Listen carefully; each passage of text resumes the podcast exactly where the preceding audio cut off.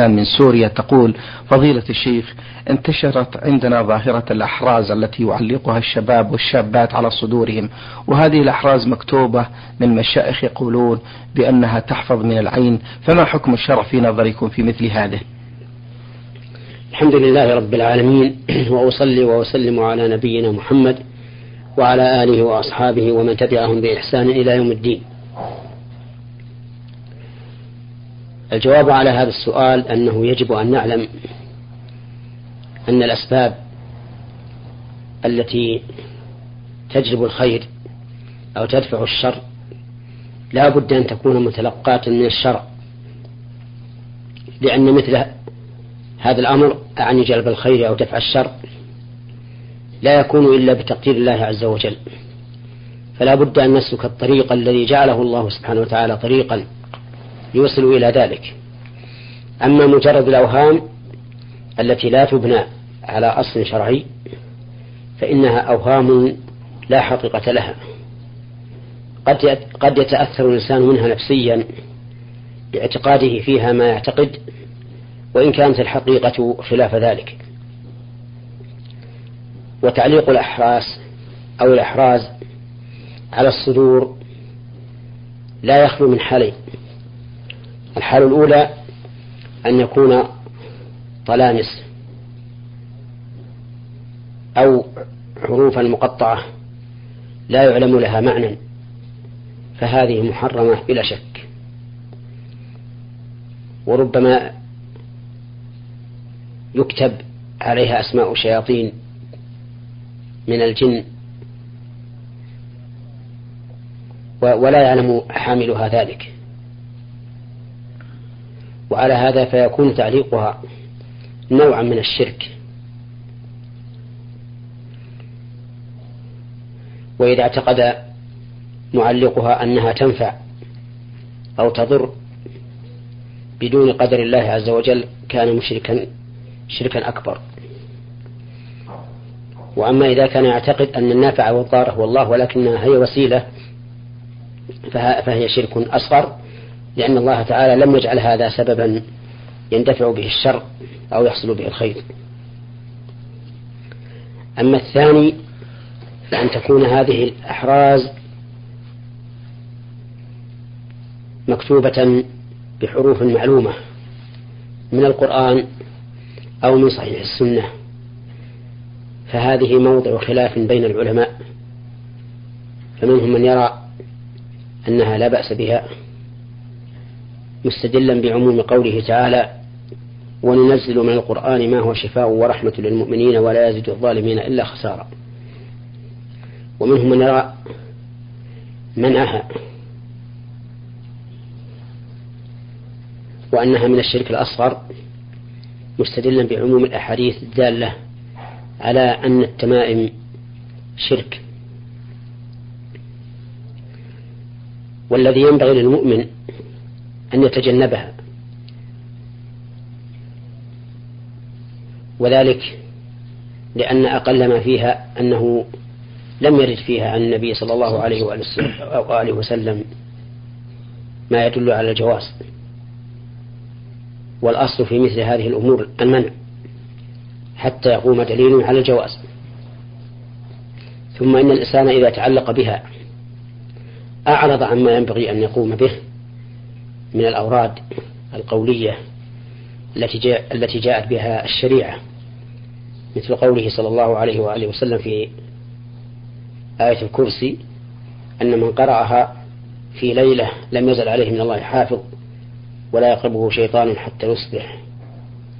وقوله في الآيتين الأخيرتين من سورة البقرة من قرأهما في ليلة كفتاه.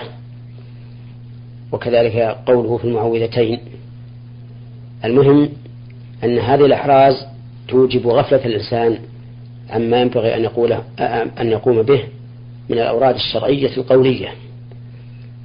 وعلى هذا فإن نصيحتي لهؤلاء وأمثالهم أن يدعوا هذه الأحراز. وأن يقوموا بما جاءت به السنة من الأوراد القولية إما من الكتاب وإما من السنة. نعم. بارك الله فيكم. هذا سوداني يعمل بالخليج يقول والدي كثيرا ما يتلفظ بألفاظ الطلاق على والدتي ومتساهل في أداء الصلوات.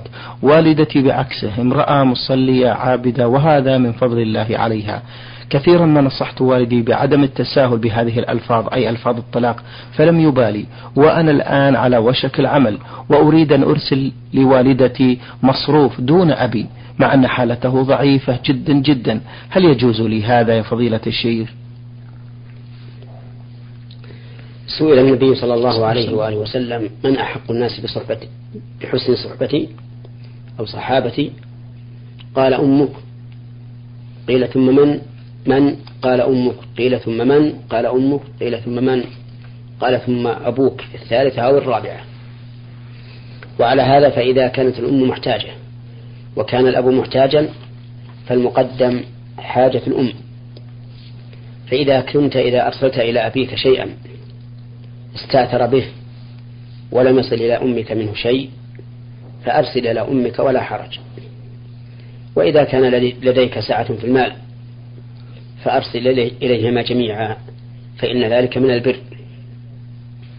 ولكن خير من ذلك أن ترسل إلى أبيك هدية هدية النصيحة وتخويف وتخويفه من الله عز وجل وأمره بتقوى الله سبحانه وتعالى لأن ذلك خير ما تديه إلى أبيك. وأبوك في الحقيقة على خطر في تهاونه بالصلاة.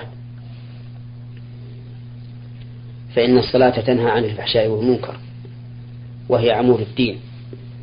فإذا أخل بها الإنسان فقد أخل بعمود الدين وإذا أخل بها الإنسان لم يكن لديه ناه عن الفحشاء والمنكر. ثم إن تساهله بألفاظ الطلاق من المشاكل الكبرى لأنه إذا طلق بعقيدة أي بنية فإن امرأته تطلق إذا لم يوجد إذا لم يوجد مانع من الطلاق. إذا لم يوجد مانع من وقوع الطلاق. وإذا طلقت مرتين فإنها في الثالثة لا تحل له. حتى تنكح زوجا غيره. فعليك أن تؤكد النصيحة عليه في هذه المسألة حتى لا يطأ فرجا حراما عليه وهو لا يدري. وفق الله الجميع لما يحب ويرضى. اللهم آمين. المستمع عبد الله ألف ألف من الرياض الحقيقة كتب رسالة بأسلوبه الخاص. ملخص هذه الرسالة فضيلة الشيخ محمد يقول بأنه تشارك مع زميل له في عمل مشروع طيب تجاري. الزميل الأول دفع المال يقول وأنا بجهدي وعرقي وجدي وعلاقاتي. هذا ما اتفقنا عليه ورضي كل منا بالعمل والفكرة والمشروع. وحيث أنه لم يعمل معي فأنا الذي أقوم بإدارة المشروع والتعقيب والشراء والبيع. أما هو فكما ذكرت فلا يعمل شيء إلا إذا صفينا الربح آخر. كل ستة شهور يعود إلينا ويأخذ ما آه، كسبناه. يقول ولكن بعد نجاحنا ومكسبنا الحلال خلال سنتين تغيرت النية حيث أفاد بطلب أن يأخذ أكثر من نصف المربح نظرا لأنه مساهم بالمال. واحترت أنا لأنني لم أكتب معه ورقة نظرا لالتزامه ودينه. فأرجو من فضيلة الشيخ محمد العثيمين حفظه الله ورعاه أن يرشدني عبر منبر نور على الدرب حيث سآخذ بهذه الفتوى إن شاء الله وجزاكم الله خيرا. العقد الذي ذكره أخونا هو عقد المضاربة وعقد المضاربة عقد شرعي. فإذا انطبقت شروط صحة المضاربة عليه صار عقدا صحيحا. والمضاربة أن يكون من أحد الشريكين المال ومن الآخر العمل كما في هذا السؤال. ويكون الربح بينهما على ما اشترطاه. قد يشترطان أن الربح بينهما نصفين وقد يشترطان أن الربح بينهما أثلاثا للعامل ثلث ولصاحب المال الباقي أو بالعكس. المهم أن توزيع الربح يكون على حسب ما شرطه. فإذا اشترط أن الربح بينهما نصفين فهو بينهما نصفان. فهو بينهما نصفين. وإذا اشترطا خلاف ذلك فعلى ما شرطاه. لقول الله تعالى يا أيها الذين آمنوا أوفوا بالعقود. والأمر بإيفاء العقود يشمل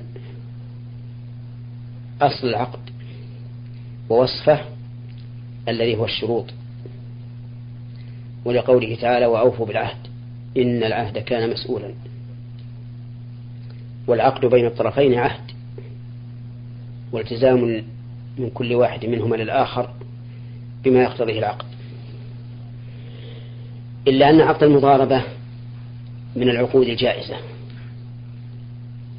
أي التي يملك كل واحد من المتعاقدين أن يفسخ العقد إذا لم يكن في ذلك ضرر على الآخر. فإذا كانت ستة أشهر الماضية على أن الربح بينكما نصفين ثم طلب صاحب المال أن يكون حظه من الربح أكثر فهو حر وأنت أيضا حر. إن شئت فوافق على ما طلب وإن شئت فافسخ الشركة وإذا تفرقتما عن حسن نية فأرجو الله سبحانه وتعالى أن يغني كل من سعته. وإن بقيتما على حسن نية فقد ثبت عن النبي صلى الله عليه وآله وسلم أن الله قال أنا ثالث الشريكين ما لم يخن أحدهما صاحبه فإذا خان خرجت من بينهما. وخلاصة الجواب أن العقد بينكما إن شئتما استمررتما عليه على الشرط الأول وإن شئتما عدلتما في الشروط حسب تراضيكما وإن شئتما فسختما العقد لأن العقد عقد المضاربة من العقود الجائزة. نعم. له سؤال ثاني يقول فضيلة الشيخ لي أخت متوفى عنها زوجها ولها ولد في العشرين يعمل بشركة براتب قدره خمسة آلاف ريال. وله إخوة يعولهم. والبيت إيجار. وأريد أن أخصص زكاة مالي كل سنة كاملة لهم. فهل يجوز هذا؟ يجوز هذا إذا كانوا يحتاجون إلى ذلك.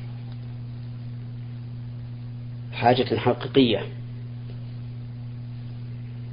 بل إن صرف زكاتك إليهم أفضل من صرفها إلى من ليس بينك وبينهم قرابة. فإن الصدقة على القريب اثنتان صدقة وصلة.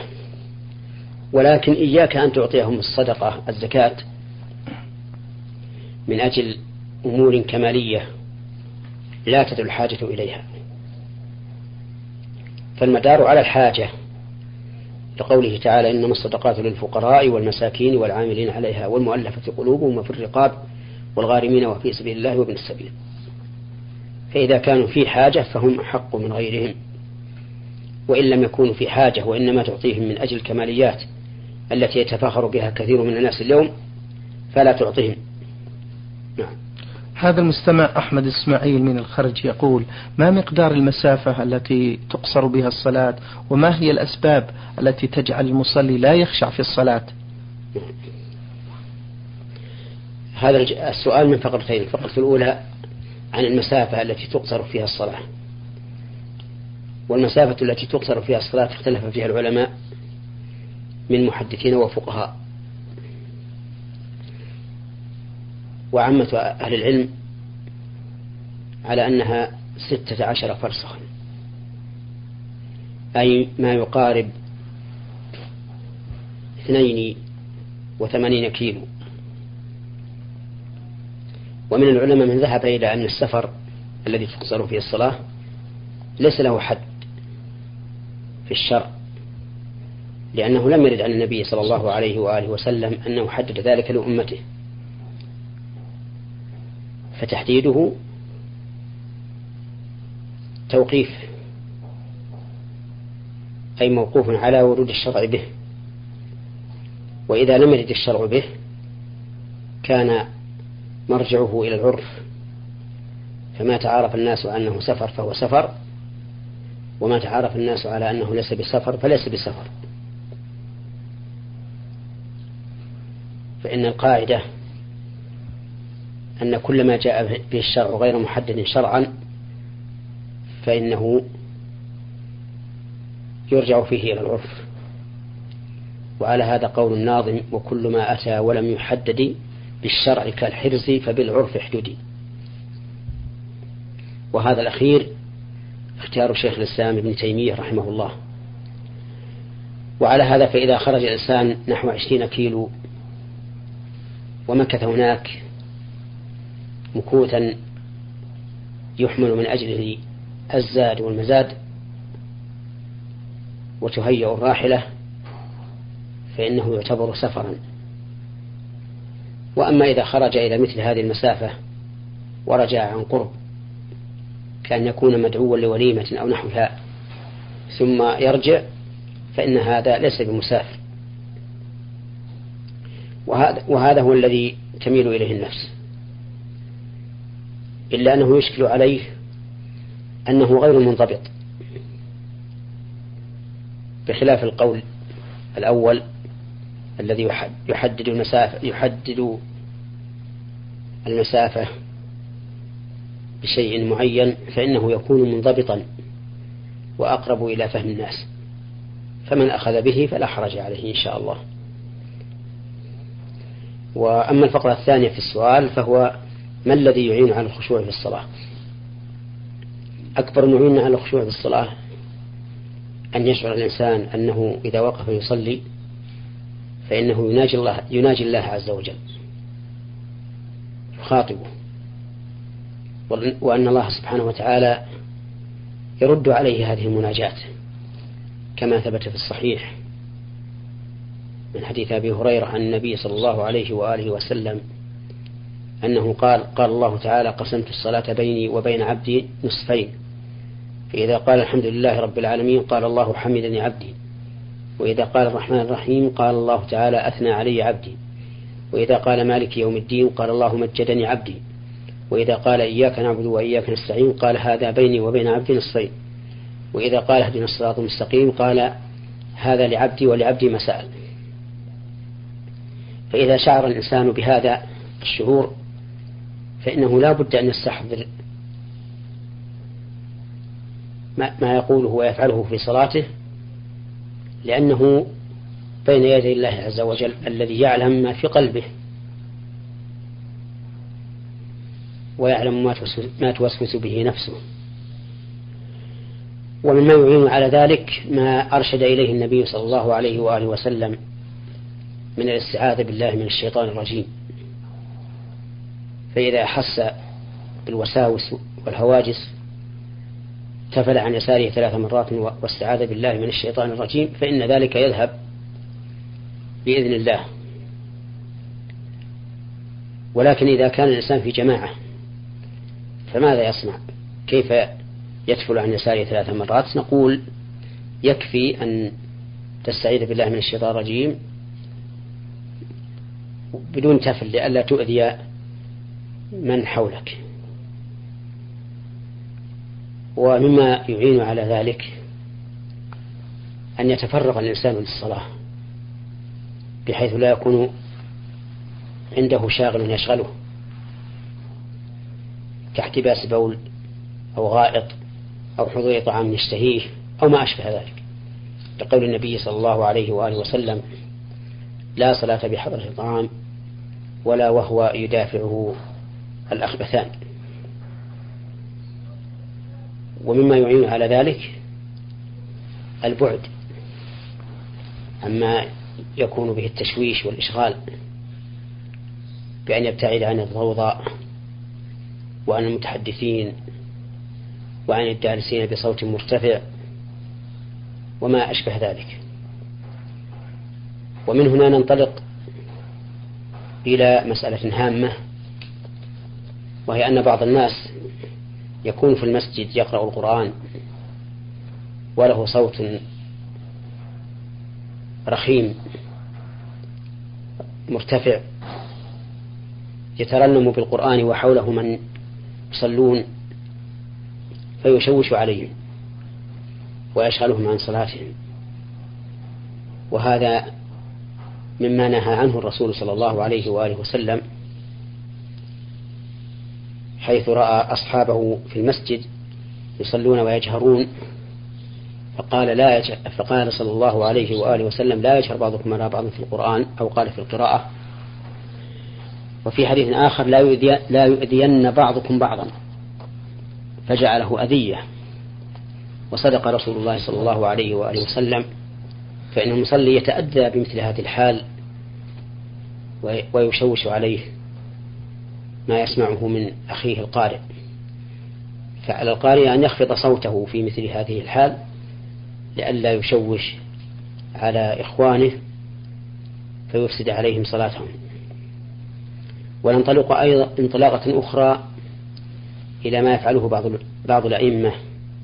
نسأل الله لنا ولهم الهداية من رفع الصلاة في مكبرات الصوت في المآذن فإن هذا يحصل به من التشويش ما قد شكى منه كثير من الناس.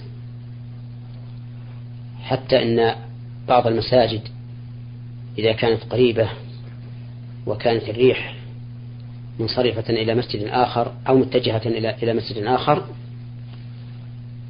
ينشغل أهل المسجد الآخر بقراءة إمام المسجد الثاني عن استماعهم لقراءة إمامهم لا سيما إذا كان كانت قراءته جيدة وصوته حسنا فإن الناس ينشغلون به كثيرا. حتى سمعت أن بعض الناس أمن على قراءته الفاتحة دون إمامه.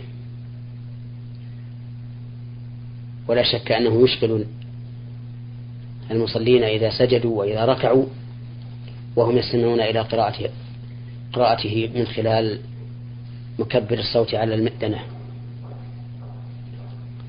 ومن المعلوم أن هذا ليس فيه مصلحة في الحقيقة أصلا. وفيه هذه الأذية. والإنسان العاقل لا يفعل شيئا إلا إذا كانت مصلحته خالصة لا مفسدة فيها أو راجحة على مفسدته. أما وهو لا مصلحة فيه وفيه الأذية فإن العاقل لا يفعله. لا سيما وهو يبلغه أن النبي صلى الله عليه وآله وسلم نهى أصحابه أن يجهر بعضهم على بعض في القراءة.